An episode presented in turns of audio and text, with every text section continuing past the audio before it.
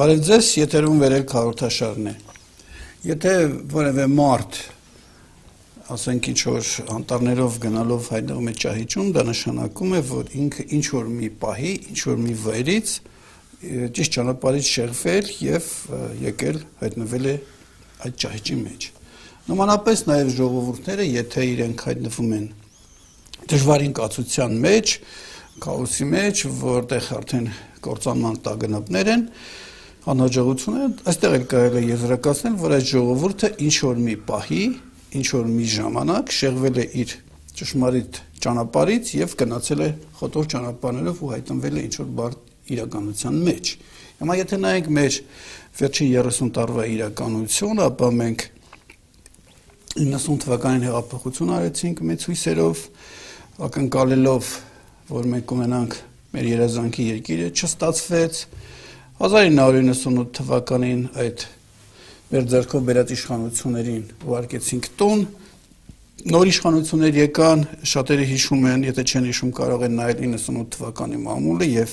ժողովրդի մի բավական մեծ հատված հույս ուներ նաեւ 97 98 թվականին եկած իշխանությունները որ երկրում արմատական փոփոխություններ կանեն ամենայն դեպս եւ այդ ակնկալիք կար ու նաեւ նոր իշխանություններն էին դա խոստացել այսպես հայտարարել։ Դա էլ հաջողություն չեղավ։ 1 տարի առաջ նորից հեղափոխություն արեցինք, հներին մերժեցինք, անցել է 1 տարի, քանից ասել եմ, այն ողջավորության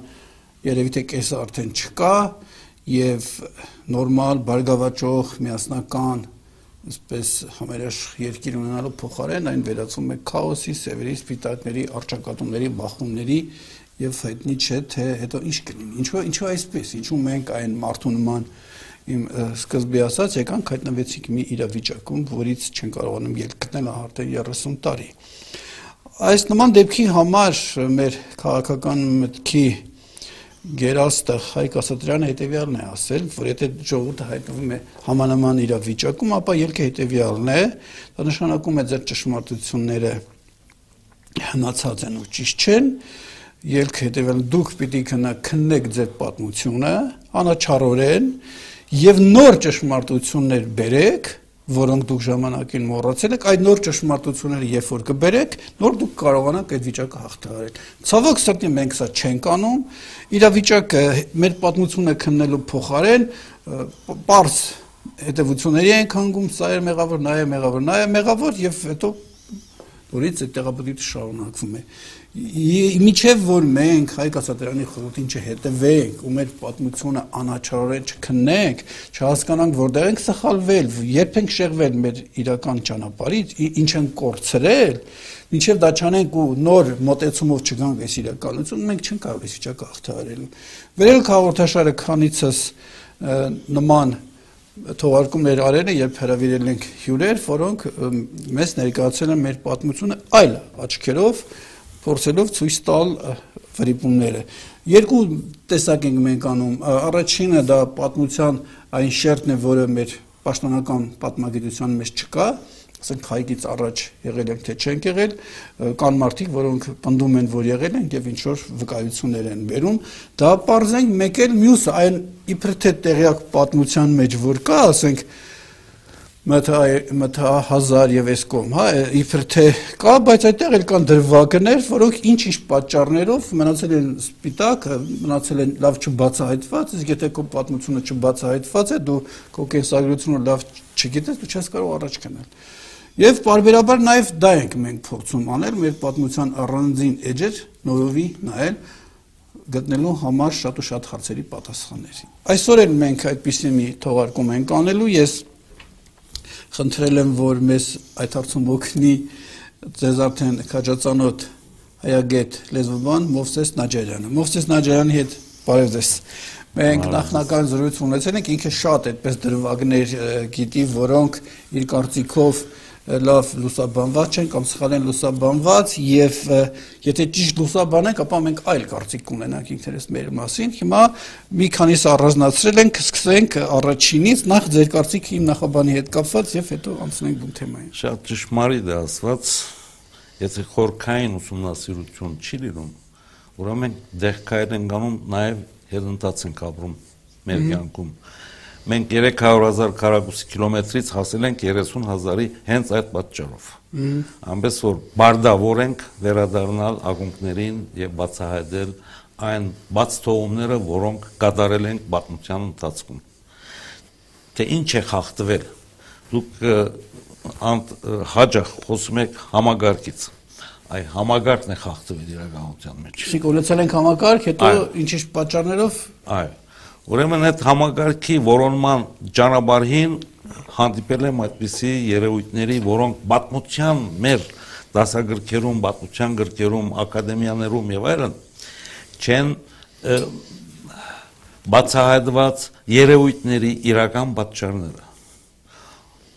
Եթե ուզում եք խոսենք այդպիսի երևույթներից մի 2-3-ի մասին։ Փորձենք մեկից, եթե ժամանակը չի երիքի, հաջորդ անգամ շարունակենք։ Ներկայացնեմ դրվագները կարճ, այսինքն թե ինչ բաց թողումներ ունենք մեր պատմության ընթացքին։ Մեկ հատը շատ հասարակ բան է, ասենք մոնգոլ թաթարներին նեդոներ են ասում։ Թե ինչեր են նեդում եւ այլն հայտնի չի։ Երկրորդը վերաբերվում է Դիկրան մեծին իր հորը ժամանակաշրջանին թե ինչպես եղավ որ Դիկրան մեծը որի հայրը ըստ խորենացու դեսեք ես առաջնորդվում եմ խորենացու դվյաներով ով ուրիշ աղբյուրների կդիմի թոդիմի իմ գործը դա չի ասեք ես վերջերս վեպը հրատարակե ես կասեմ ինչ եմ ուրեմն խնդիրը սա է. Արդաշես աշխարակալի ворթին դիկրանը ոչ դիկրան Երվանդյանը դիկրան մեծը ուղղակի որ մեծ կոչվեց մեր պատմության մեջ գրեք բայց ասենք ես վերջերս եմ թողարկել վերադարձ կամ Տիգրան մեծ պատմա վեպը այնտեղ երբ որ կարդում ես մեր պատմաբաններին իր հայրը ուրիշ մարդ էր արտավազ թեթելի Տիգրան, համենայն դեպս բանը Արտաշեսը շատ պապ է գալիս իրեն, էլի ոչ ոչ թե հայր։ Շատ հստակ կորենացին դված է, որ Արտաշես աշխարհակալի որդին եղել է Դիկրանը։ Ուցե Դիկրան առաջին մեծ ոչ, Դիկրան առաջինը մեր պատմության մեջ էլի կորենացին դվել է դրա մասին, դա գոչվում է Դիկրան Երվանդյան։ Լավ, այս պատմաբաները չեն կարծացի խորենացի, ես չեմ հասկանում։ Չէ, բարձրապես չեն հավատում մեր բապերին։ Լավ, ես էլ չեմ վիճում, դուք պատմիկացիք ձեր վերսիա։ Շփախտություն է մեր։ Շփախտությունն է։ Ուրեմն Դիկրան Երվանդյանը Քրիստոսից 500 տարի առաջ իշխած արքայել Հայաստանի պատմության մեջ ըստ խորենացու նրա ժամանակին է որ Բարսկաստանում Աքեմենյանները եկան իշխանության եւ այդ ընթացքում էլ Աժդահակ մարը, որ Հայաստանի հարավ հարավային շրջաններում էր թակավորում Մարաստան գոչված տարածքում նա բան ունեցավ, կասկած ունեցավ, որ այս հայոց Տիգրան Երվանդյանը լավ հարաբերություններ ունի արքայից արքայի հետ։ Գյուրոսներ, չէ՞։ Գյուրոսի հետ կարող է իրեն վնաս հասնի կամ վտանգ սպառնա մի օր իրեն վերացնեն եւ այլն եւ որովհետեւ վտանգը վերացնի խնդրեց Զիկրան Երևանդյանից որ իր կրոնչը քրոջը գնության դա Զիկրանը շատ բարեսիրտ բարեկամական կեցված ընդունեց եւ քրոջ ուղարկեց գնության աժդահագին Իհարկե աժլակ բարը տեղ պայմանական է։ Սա պետք է ճշտենք եւ շեշտենք, որ հին ժամանակներում բատմագրության մեջ վատ մարդկանց անունները չեն հիշադակված։ Նրանց մակդիրն է դրված։ Աժլահագը այդ թակավորի անուն չի։ Ես բացահայտել եմ թե ով էր եւ այլն։ Մարերի վերջի արքա Նաբոնիդեսն է իրականության մեջ, որին աժլահագ են գոչել ոմանք կոչել են վիշապ, վիշապազուն եւ այլ։ Ուրեմն աժդահակը այդ կասկածների պատճառով ամուսնացել է Դիկրանուհու հետ, սակայն կասկածները չեն վերացել։ Եվ ուզեցել է Դիկրանուհուն օգտագործել որպես զենք իր եղբոր դեմ։ չիմանալու որ հայկական համագարկում քույր եղբայր շատ հարազատ են եւ իրար չեն դավաճանի ընդհանրապես եւ հատկապես քույրը եղբայրների հանդեպ այսօր հայ ընտանիքներում շատ մեծ սեր ունի, հարգանք ունի եւ որևէ բահի եղբորը հասնելու բادرած։ Եղբայրը լի եղբոր դեմ դուրս կգա, բայց քուրը Այո, քուրը ոչ, քուրը ոչ։ Ուրիշ։ Այո, հետաքրքիր երևույթ է։ Ուրեմն դիկրանուհին իհարկե դերյակ է բահում դիկրանին, որ այսպես է մարդը դավադրություն է, միտքը ծուր է, այո։ Եվ դիկրանը խորենացու նախապատրաստվում է աջրագի դեմ բادرազմել, բայց երկար ձգձգում է մինչև հարմար բահ է որսում որ դիկրանուն բրգի այդտեղից հա։ եւ այդ բահը իհարկե իրականություն է դառնում եւ դիկրան Երևանյանին օգնում է նաեւ բարսից Ակեմենյան արքայից արքան այդ բادرազմին հենց Դիկրան Երվանդյանի ворթի Վահագնը գրծեր ворթին քաչագործությունները կատարում եւ գոչում է Վահագն Վիշապաքաղ։ Այսինքն դա լեգենդ չի, իրական մարդ։ Դա իրական անznավորություն է եւ եղերություն է։ Հիմա Եգիպտական բակմության մեջ հին Եգիպտական իհարկե այսպեսի դրվակ կա։ Այնտեղ երբ որ Բարսից արքայից երկրորդ արքան, այսինքն Աքեմենյան երկրորդ արքան գնում է եւ վերագանգնում է իր իշխանությունը Բարսկաստանի վրա։ Այնտեղ հայտարարություն է անում, որ ես սպանեցի ցուլ ապիսին, սրանից հետո ինձ պիտի ենթարկվեք։ Մասնագետներից մեկին ասում է մեզ ցուլ ապիսը ինչ է եղբայր։ Ինձ մի հեքիաթ է պատմում այսպիսի աստվածեր, այնպիսի աստվածեր եգիպտական եւ այլն, ասում եմ եղբայր։ Այդ հեքիաթները մնում են այդ ղարքի մեջ, իրականության մեջ։ Մենք նախորդ անգամներին, որ ասեցինք առաջին ցամաքը, որ դուրս է եկել ցամաքագազին, դա ցուլ կենթանագերբը պատկերով երկրի վրա հայկական Դավրոսն է։ Դուրո Բերանը կարծեմ։ Դավրո Բերանը այստեղից այստեղ է հասնում այսպես եւ պատկերում է այսպես, այսպես այբ մեծադար այբն է պատկերում։ Այս տեսքը այի նման է։ Այո, այսպես ուղղակիորեն եւ այստեղ բոչիկն էլ հետ է։ Արի։ Շատ ճշգրիտ։ Ուրեմն բոլոր դիրակալները երգիրը մոլորակի վրա այդ ռեշտակազուններից սկսած մինչև մարտ արարածի երկրածին մարտարարածների իշխանությունների օրերին մինչև Աքեմենյանների ժամանակաշրջանը բոլոր դիրակալներին կոչել են ցուլ այդ ցուլի ճշտամունքը եւ այլն որ գա այդտեղից է գալիս որովհետեւ ինքը առաջինն է ան է այբն է այբը առաջին թիվ մեկն է ուրեմն ցուլ ապիսը այսինքն արքայից արքա ապիս Այստեղ ոչ մեկ աստվածություն բան չկա իրականության մեջ։ Որպես լեզվաբան ես խաղում եմ բարերի հետ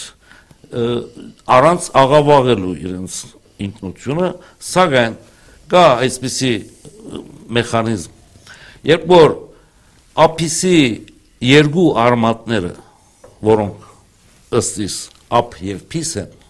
երբ որ դեղաշարժում ենք, դառնում է փիս ափ եւ դա հայերենի վիշապն է։ Ուրեմն արքայից արքան ասում է ես սպանել եմ ցուլ ապիսին, այսինքն վիշապին, արքայից արքա վիշապին, ինձ պիտի ենթարկվեք, ես եմ սրանից հետո արքայից արքան։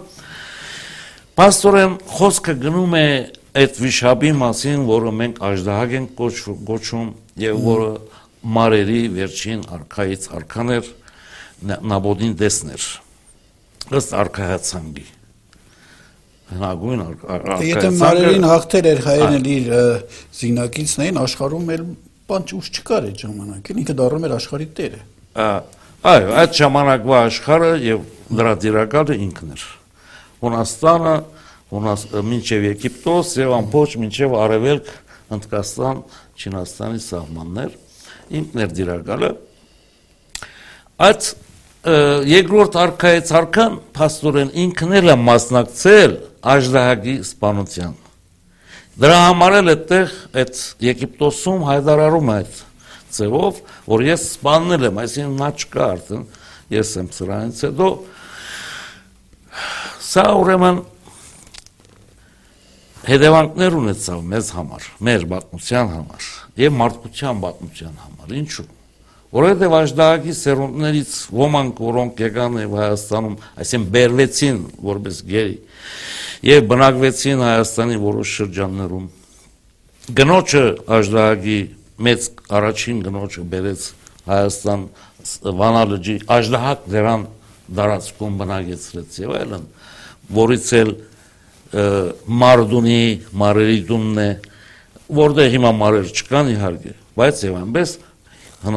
հին ժամանակներում հենց այդ մարերի զավակներն են բնակվել ընդեղ ինչ որ է կարևորը այս մարերից ոմանք իշխանավորներ կային իհարկե բոլորը չկոդորվեցին բոլորը չգերեվարվեցին ոմանք փախան երկրից եւ իրենց շունչը քաշել են ծայրագույն արևելքում Այդ մասին խոսում է Ֆիրդուսին իր շահնամե գործում։ Իհարկե Ֆիրդուսին ոնց որ առասպելաբանություն է, հեքիաթասություն է, ես կարելի է դարբեր ձևի որակել համենայն թեպս մեջը կան այնպիսի ճշմարտություններ, որոնք մեզ համար գանձարժ են։ Ասում է Աքեմենյանների ժամանակ իրենց սպարաբետը սպարաբետությունը հանձնված էր բարձևներին Բարթևները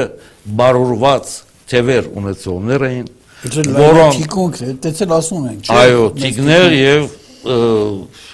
բարուրվածը ընդարձակված կնշանակի մենք այսօր գոչում ենք երկարաբազուկ, դալգարուկի եւ այլն։ Այդ նույն նույնն են, նույն տոհմի շարունակությունն են։ Նույնն են, այո։ Սրանք իհարկե խառնածին էին այդ դիեզերքից եկածների եւ մարտածինների խառնուրդ էին Ամենայն դեպս իրենք Հայաստանում էին եւ հայ էին։ Հայաստանի զինվորական դասագարկն էին ներկայացնում բարձևները։ Համագարկից որ խոսում ենք, գար հոգևոր ղեկավարությունը, հոգևոր մտավոր առարչակորց ղեկավարությունը եւ գար զինվորական դասակարգը Զինվորական էլ կիսա հոգևոր էր, չէ՞։ Ոչ, ոչ, շփախտապար զինվորականը միան զինվորական։ Բայց ես գիտեմ, որ իրենք էլ մի քիչ ինչ որ առնչություն Իհարկե որոշ կրթություն ստանում էին, բայց ամբողջական չէին դիրաբեդում պատմության։ Պարզա իրենցից մի ցածր էին։ Այո, ցածր էին։ Բայց նաև սովորական այսպես սալդաֆոն չէին, էլի, այս վերջի իհարկե, իրենք էլ ոգեղանային ինչ որ բան ունեին։ Իհարկե ունեին, բայց եւ այնպես կադարյալ, այսինքն Կրմական դասը Կրմական դասը ոչ միայն ինքը հոգևոր էր, նաև ստեղծագործ էր, զենքերի տեսակներ էր արդադրում եւ այլն, ինչ որ բիդանի էր հողագործության համար նոր գործիքներ եւ այլն տեխնոլոգիա էր արարում Կրմական դասը եւ ոչ թե մի հատ գներեք այսպիսի արդարության համար, մի հատ ալելույա որդի պարանդուր այսպիսի բան չէին անում, մարդիկ հոգևորական էին, բայց գիտնական էին, ակադեմիկոսներ էին իրականության մեջ։ Դրա համար շատ մեծ հարգանք ունեին, բադիվ ունեին մեր հասարակության մեջ։ Իսկ զինվորականները, ուրեմն բարձևները որպես զինվորականներ Աքեմենյանների ժամանակ դիրաբեդում էին սպարաբեդության սերնդե սերունդ սպարաբեդ էին եւ գիսանգախ ապրում էին Կասպից ծովի հարավ արեմդյան շրջաններում։ Այո, Կասպից ծովի Հիմա սա ինչ է, այս մասերը։ Կասպից ծովի, այո, այդ շրջանները Սա վյով ինչ որ մի անուն ուներ։ Հա։ Վարանտ, թե ինչ չեմ Հիմա հիշենք հետո։ Հիմա չեմ հիշում համենայնպես։ Կարևորը իրենց բուն բնակավայրը այդտեղ։ Սրանք գիսանգախ էին, բայց անմիջապես որ արքայից արքան հրամաներ դալիս, անմիջապես կատարում էին առանց այլևայլերի պես էլ, ասենք իրենց գործը դա։ Իրենց գործն էր դա եւ ենթարկվում էին թակավորին միայն բادرազմի պատճառով, արիտներով։ Եվ այս այս սահմանով այս հատվածները Հայաստանինն է Այո, այս ժամանակին։ դե Հայկական- տարածք է եղել։ էլի։ Բարթևներն են ապրել Այնպես չի, Հայաստանից դուրս չի էլի։ Այո։ Շարունակենք։ Հա։ Հիմա Շահնամեի մեջ Ֆիրդուսին ասում է որ Բարթևների ը, սպարաբետներից մեկի դղան սիրահարում է մի հատ աղջկա։ Սպարաբետը ասում է դրաս գրանք արքայից արքային ը, դիմենք ներկայացնենք իրականությունը թող իր օրնությունը դա որովհետեւ դու ամուսնանաս այդ աղջկա հետ որովհետեւ հաջորդ սպարաբետը դու պիտի լինես ուղարկում են բատվիրագություն արքայից արքային արքայից արքան լսում է թե ում հետ պիտի ամուսնանա ամիջապես հրահանգ է դալիս ասում է շուտ զորքերը լրիվ հավաքի գնում ենք Կաբուլ թակավոր Կաբուլ քաղաքի ոչ թե ամբողջ Աֆղանստանի քաղաքի թակավորիգին պիտի հիմնահատակ վերացնենք աշխարհի երեսին Որ մեղքի համար։ Սպարաբեդը որովհետև չգիտեր պատմությունը այդ խորքով ինչպես որ արքայից արքան գիտեր զարմանում է ասում է մեր ուզածը մի հատ էլ է դրա համար ինչ քեզ վասալ թակավորիկին ինչու պիտի վերացնես ամեն տարի դալիս է իր հարկերը բաները այսինչ մարդ խելատ խելարել է ինչ է եղել այս թակավոր արքայից արքան երկրորդ մատվիրակություն աղարգում ո՞ւմ պատասխանն է ավելի շքեղ, ավելի հզոր ը, հեղինակություն վայելող մարդկանց է ուղարկում արքայից արքային, երրորդ անգամ Արքայից արքան ասում է գնացեք, ասում է ինչ ուզում եք արեք։ Հետո ասում են գլխներդ բادرով պիտի դակ։ Բայց ասում ուշ է, ուշ պիտի լինի։ Սա չեն հասկանում։ Ոչ այդ բادرները, որոնք գնացին, որոնք նաև հոգևոր բաներ ունեն, գիտելիքներ ունեն, ոչ էլ սպարաբետ նա հասկանում։ Եվ ամուսնանում են։ Դու մի ասա,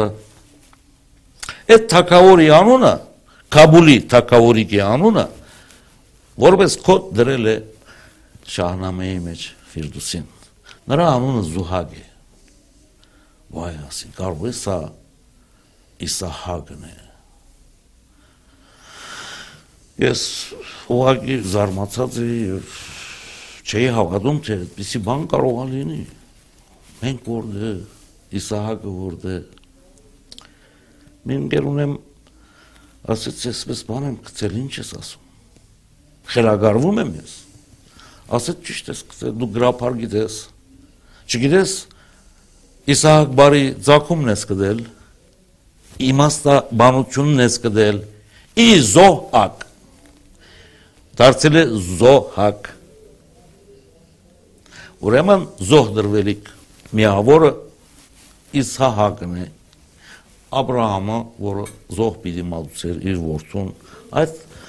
իմաստուն փաստորեն։ Եվ հայերենով է բացատրվում էտիմոլոգիական ուրեմն։ Ուրեմն այդ թակավորիկի աղջկա հետ ամուսնան ամուսնացնում են Բարթև հաջորդ սպարաբեդի։ Եվ դու մի ասած սրանք հենց այդ վիշաբազուններն են, որոնք փախել են եւ ընդ փոքրիկ էսպես բաներ են ստեղծել բեդություններ, քաղաք բեդություններ են ստեղծել եւ այսպես խորամանկությամբ սիրաշահել են այս դղոն երդասարտին Ֆիրդուսին շատ լավ նկարագրում է ինչ խորամանկություններ արեցին, այդ աղջկա հա- բանը պատասխանադու գինը եւ այլն գնացել են գեդի եզերքը լողանալու եւ այլն, այդ տղան էլ ընդդեք բարգած է եղել, տեսել է, հավանել է, ուզել է։ Մեկ խոսքով, մենք իհարկե խնդիրը դրա մեջ է որ երբ որ բարձերների մեջ մտան վիշաբազումների հարցերը առաջինը այդ հաջորդ ուրեմն սպարաբետն էր դրա ամբողջ շրջաբադի մարդիկ էլի ամուսնության մեջ մտան վիշաբազումների հետ եւ այդպիսով բարթված ազգը որը Բարսկաստանի մեջ էր դարձավ խառնածին այդտեղ սկսա մեր ամբողջ այսօրվա իրողությունը։ Սրանք իհարկե չքնեցին վիշաբազումները։ Երբ իրենք հիմա պիտի անդրադառնան Ալեքսանդր Մակեդոնացին, երբ որ ամբողջ բանակին իրենք էին սպասավորում որպես հրամանատարներ, իրենք ուղարկեցին նամակ Ալեքսանդր Մակեդոնացուն դու արի այս ամբողջ հսկայական միլիոնով բանակը քո առաջ պիտի փախնի զենքերը վարկա չկա այդ իմ իմ մոտից է բայց ես դա ունեմ դրա բացույցներից մեկը գործնական կետնի վրա Մենք գիտենք, որ Ալեքսանդր Մակեդոնացին մեծ զինվորական էր, շատ արագաշար։ Զարմանահրաշ է, փոքր բանակով 5 միլիոնոց զորքին ջարդ։ Ինչ 1 միլիոնոց եւ ավելի բանակ էր Աքեմենյանը խաղալի չէ։ Չէ, տարօրինակ է, բայց մտածում ես չէ հրաշք է հա, եղել, ինչ է։ Այո, իր փոքր բանակով իր մասին եմ վեբ գրել ու ինձ համար անկեղծ եմ ասում։ Այս ես դալիս եմ բանալիները։ Ինչ որ բան եմ մտածել, որ այդտեղ գերմարտկային ուժեր են եղել։ Ոչ, ոչ։ Շատ, շատ գեղեցիկ դավադրություններ են եղել։ Ուրեմն այդ բարձերներին իրենց խնամիները ասել են գնացեք նամակ ուղարկեք թողա այդ երդասարտը, որ շատ փարասեր է եւ այլն թողա, այս գայսրությունը պիտի քանդենք եւ զինվորները շարված են հազարավոր միլիոնով, բայց երբ որ հրամանատար ասում է զենքեր թողեք, փախեք, բոլորը տոնում փախնում են։ Եվ այդ փոքր բանակի դիմաց գրվող չի լինում եւ նկարագրված է իհարկե պատմության մեջ որ արքայից արքան փախնելու դեղ չունեցավ Այստեղ էր փախնում ընդեից էր փախնում որովհետեւ բոլորն էլ վանում էին ինչի որովհետեւ իր սպարաբետները հրամանատարները այո իրեն դավաճանեցին այդ պատճառով որովհետեւ վիշաբազուն էին դարձել Եվ դրա հետևանքով երբ որ ընկավ Աքեմենյան գայսրությունը դրանից 60 տարի հետո, այսինքն Ալեքսանդր Մակեդոնացին մի գարձեք որ ինչ որ բադահական ինչ որ նիզագից կամ սուրից այդպես մահացավ ոչ դա ծրագրի մեջ էր նրան պետք է վերացնեն իր առաքելությունը կատարել բրծել։ Մավրը իր գործարել էր։ Այո։ Քանդեց վերջացավ։ Կա այդ տեսակետը որ թունավորել են, իհարկե ես իմ վեպի մեջ ուրիշ վերսիա եմ առաջ քաշում, բայց կարևոր չէ։ Հետաքրքիր է։ Պատմականորեն հիմնականում դա է, որ թունավորել են։ Այո, ուրեմն սպառնեցին եւ իշխանությունը մնաց մի քանի իր զորավարների ձեռքը, որոնցից մեկը գիտեք բաներն էին, Պտրոմեոսներ, Սելևկոսներ, Սելևկոսներ։ Արևելքի դիրակալը։ Նայով, նայով մեկը կար։ Չէ, չէ, Կիլիկիայի ինչ էր Անդիոկ, Անդիոկ, Անդիոկոսին մնաց։ Անդիոկոսը ամբողջ արևելքի դիրակալը դարձավ։ Խնդիրը սա է։ Անդիոկոսը եւ մյուս իշխանները, որոնք Եգիպտոսին, Հունաստանին եւ այլն դիրեցին, Դրանք երկրորդական են կարևորը այս արևելքն էր վիշապազունների համար։ Մի արժամանակ դրանք իշխեցին, հետո դրանց էլ դաբալեցին հենց մաքուր մնացած բարձերների ձեռքով։ Զինվորականները, որոնք այո Այդ զինվորականները եկան հեղաշրջում կատարեցին Բարսկաստանում եւ բերեցին բարթևական իշխանությունը։ Բարթևները զինվորական էին։ Արշակունիներ էին իրենց կոչում, թե դրսից։ Որոնցից առաջացան արշակունները։ Բարթևներից առաջացան արշակ իր եղբորը ուղարկեց եւ դարձավ արշակունների առաջին թակավորը Հայաստանում այսինքն բարթևական դինաստիա։ Այսինքն դուք պնդում եք, որ գիտեք շատերը մեզ ասում են, դե ձեր պատմության մեջ ամբողջ փուլում ձեր թակավորները հայեր չեն եղել, Այո, պարտիաներ էին, հիմա դուք պնդում եք, որ ոչ իրենք հին հայկական ինչ որ տոհմ են։ Անուններով իրենք հայտնի են, որ հայ են։ Արի, անցան անցան առաջ։ Ինչ որ Երբ որ Բարթևները եկան իշխանության, Բարթևներին իրենք օգտագործեցին, որբեսի իրենց իշխանությունը առավել եւս մեծացնեն այդ ամբողջ կայսրության դարածքին։ Վիշապազունների մասին էր խոսքը։ Բայց վիշապազունները դրանց չգցեցին, թե չէ, վիշապազունները այդքան հզորություն չունեին, որ անմիջապես գային իշխանության։ Իրենք սրան էին իշխան դարձնում, սրան դաբալում էին, հետո մյուսին էին բերում, դաբալում, հետո վերջում արդեն այնքան հղբացան, այսպես ասեմ, այնքան հղբացան, որ Բարսկաստանի բարթևներին իրենք հաշրջումով սպանեցին նոր Սասանյանները արդեն Այո, այո։ Նոր ուրեմն թակավորը մերեր էր նրա ворթին բիդի օծվեր արքայից արքա նրան սպանեց Սասանյան Արտաշիրը եւ ինքը դարձավ Հիմա խնդիրը ինչումն է, այստեղ էլի այդ համագարկի խնդիրը գա։ Ոչ միայն բաների դուք ասեք աժդահականների խնդիրը կա ֆակտորը այլ կա երկրորդ ուրեմն խնդիրը որը թույլ չեր դար, որ Բարսկաստանի բարձևները նրա դեմ գործեին։ Իրենց թակավորություններ, արկայություններ եկան հեղաշրջում արեցին, իրենք կարող էին շատ հեշտությամբ դաբալել։ Խոսրովը 10 տարի մեր Խոսրով թակավորը Գոդակի բաբը։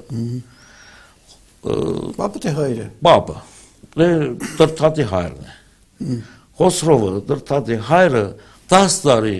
Բարթև էր մարդը 10 տարի արշավում էր Բարսկաստանի, այսինքն Սասանյանների դեմ Սասանյանների դեմ Սասանյանների դեմ 10 տարի անընդհատ ամեն գառնանամուտին մտնում էր Բարսկաստան ու լավ հաջողել հալածում էր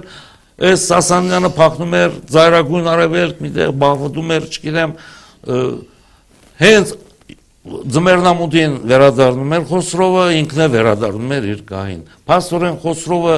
լինելով Հայաստանի,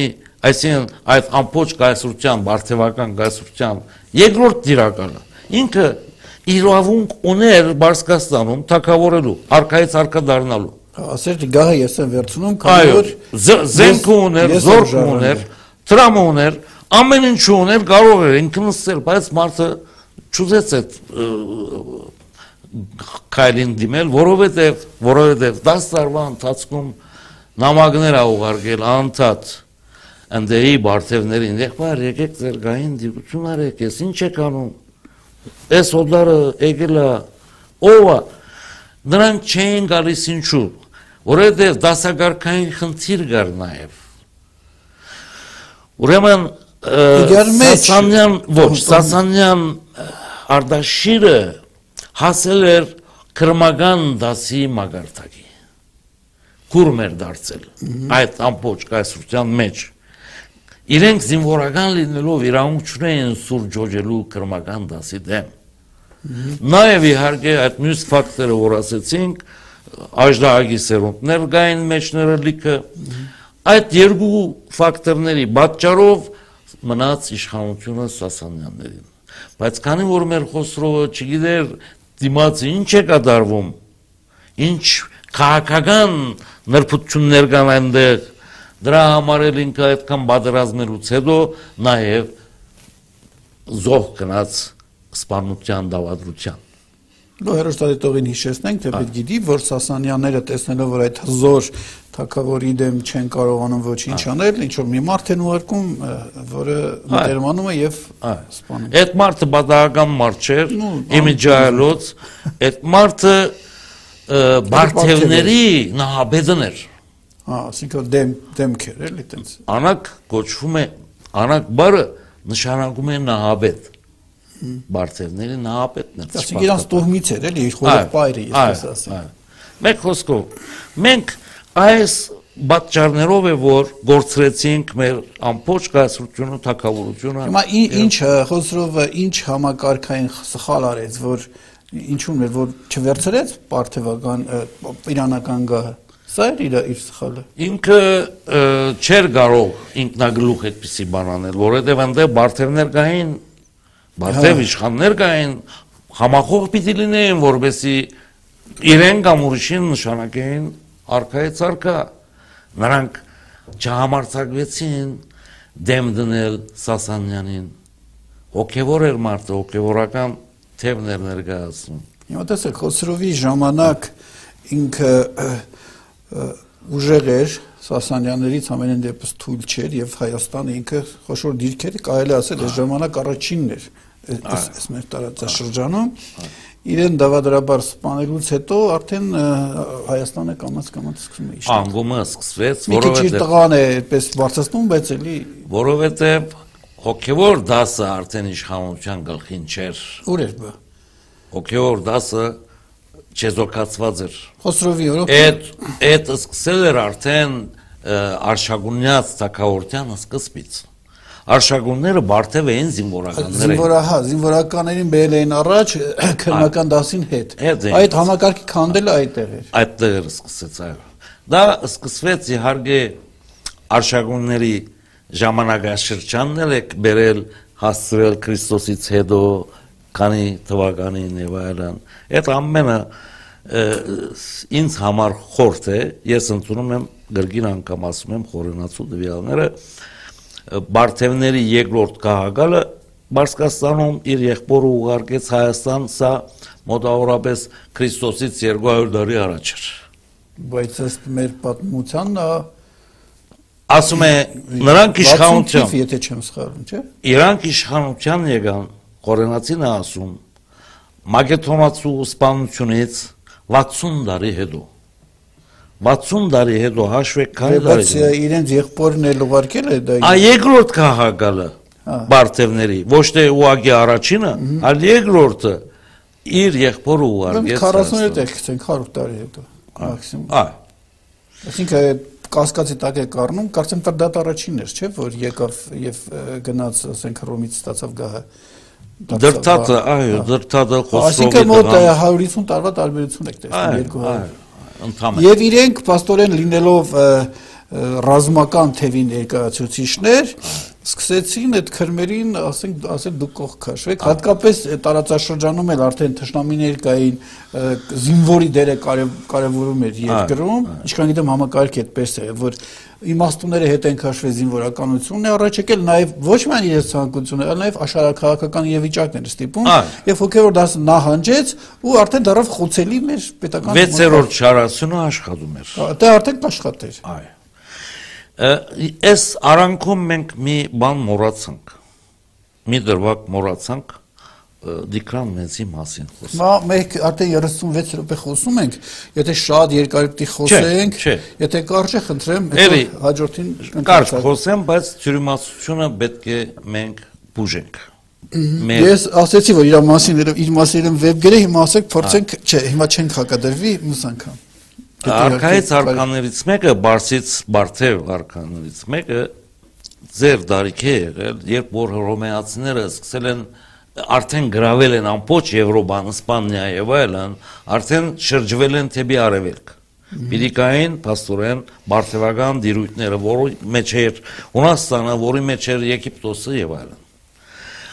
Ուրեմն այդ ժամանակ այդ մարդը չէր կարող գրիվ առաջնորդել, բادرազմ մղել ձեր լինելու պատճառով, ուրեմն իր երկրորդ գահակալը, որը մեր Արտաշեսն էր Հայաստանի մեջ, ասեց հորեղբեր, արի իշխանությունը ինձ դուր, որ երթամն այդ դրանց վտանգից ազատվեն կամ այլապես կգան այս կողմը։ Այո, վտանգ են սպառնում, պետք է առաջ կառնեն։ Ինչ որ ժամանակ հետո այդ եկան հռոմեացիները, էլի։ Հա, խնդիրը ինչու՞ն է։ Իհարկե հայու նկարակիրը քիչ բորբոքուն է, էլի, հա։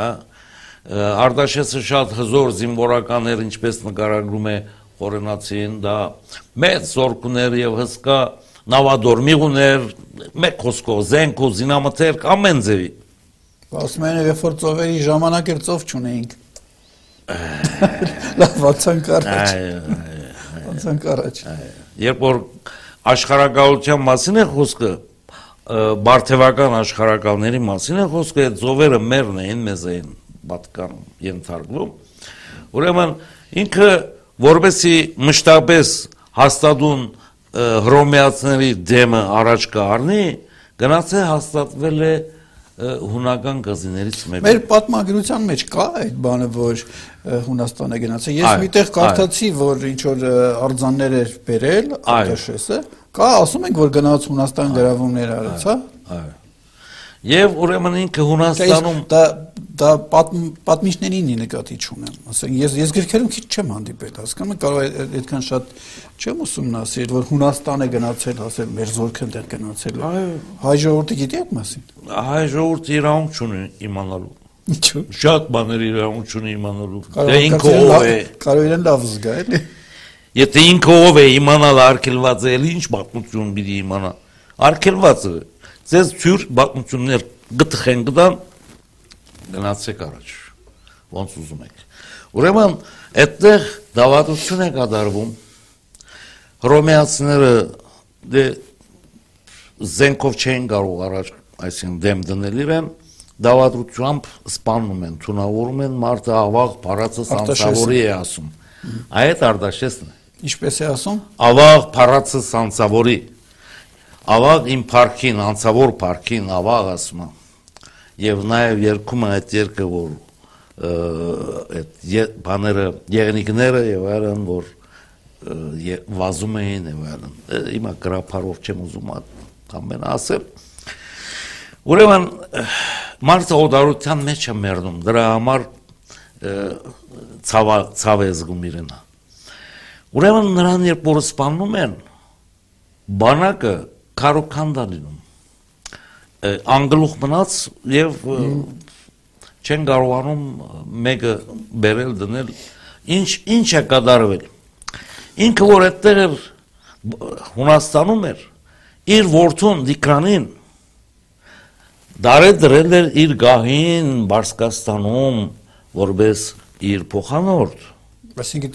Տիգրանը չի Դիկրանը եղել է Հայաստանի կառավարիչը թակավորը այդ ժամանակ բա այն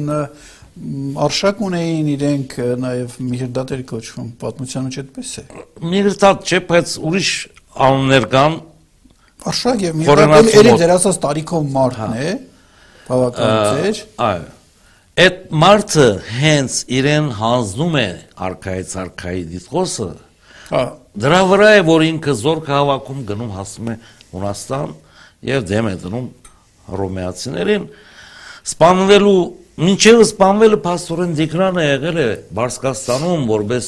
տեղակալ, իր հոր տեղակալ, ոչ թե ոնց որ բատմագիրներն են ասում են սորվա թե ինքը բադանտ էր քանի տարի սրանք թյուրիմացություններ են պետք է ճշտել մեր պատմության մեջ սրբակները նիժակներ կնետեն պատմաբանները մեր դե ես գիտեմ ես շատ բաներ կարող անեն ես իմ ասածի դերն եմ, թող իրենք էլ ապացուցեն, որ ես սխալ եմ։ Այ դիկրանի ժամանակ դիկրանը մեծ դարձավ, որովհետև որովհետև շատ-շատ կարևորում եմ դա։ Դիկրանը դեսավ հոր բանակի ջախջախումը առանց կազմալուծումը, կազմալուծումը, այո, այո։ Բարսկաստանում նստած ինքը զոր կուզեց հավաքել այդտեղի բարտերները իրեն զորք չտվեցին ինքը ստիպվեց գալ Հայաստան Հայաստանից զորք հավաքել Հայաստանի ժողովուրդը որպես հարազատ իրենց թակավոր զորք տվեց եւ այդ զորքով որ ինքը դեմ դրեց հռոմեացիներին նաեւ հետ գնաց բան ձեր ասելով նաեւ Պարսկաստանը խորացավ երևի դրա համար որ ասել ինչ զորք չտվեցիք այո գնաց Էկտոբան գրավեց, չէ՞, ասենք։ Մինչև Եգիպտոս գնաց, Հունաստան գնաց, էլի համենայն դեպս երկրորդ անգամ բարձվեց սահմանի վրա Հայաստանի, պատմական Հայաստանի սահմանի վրա եւ հաշտություն կնքեց մեկ խոսքով։ Ինքը կարողացավ այդ դասալկված բանակը բեդությունը կոնե չափողը վերականգնել կամ Հիմա Արտաշեսի կայսրություններ ավելի մեծ ու հզոր թե Տիգրան մեծի Արտաշեսի մասին մենք շատ քիչ բան գիտենք էլի Արտաշեսը Տիգրանը ասա եթե Արտաշեսը Հունաստան է հասել նշանակում է դեսեք Արտաշեսը ամբողջ Զայրակույն արևելքից մինչև Հունաստան ու Եգիպտոս արքայից արքա էր Դիկրանը Հնդկաստան էր հասել։ Իսկի Բարսկաստանի վրա չուներ իշխանություն։ Ինչու դավաճանեցին իրեն այնտեղ։ Բերեք հիմա եզրափակեք, եթե հրաժամը սպառնում եք, շարունակենք հաջորդ անգամ ինչ մնաց ասելու շատ կարճ 2 րոպե։ Մենք շատ բաներ ունենք ասելու, մենք այսօր բարերի ստուկաբանություն չարեցինք։ Հաջորդ անգամ կա։ Այո, հաջորդ անգամ կանենք։ Ա մենք հաջորդ անգամ պիտի խոսենք ը, նեդողներին, նեդողած ազգի մասին։ Այդ ինչ են նետում, քար են նետում, նետողեր են նետում, մենք չունեինք դրանք։ Հետաքրքիր է շատ։ Բարի։ Շնորհակալ եմ հետաքրքիր զրույցի համար։ Հերոստատիտողին հիշեցնեմ, որ Վրել քաղաքաշարը հյուրընկալեց հայագետ լեզվաբան Պովսես Նաջարյանին, ինչ շնոր հանդիպում։ Շնորհակալություն։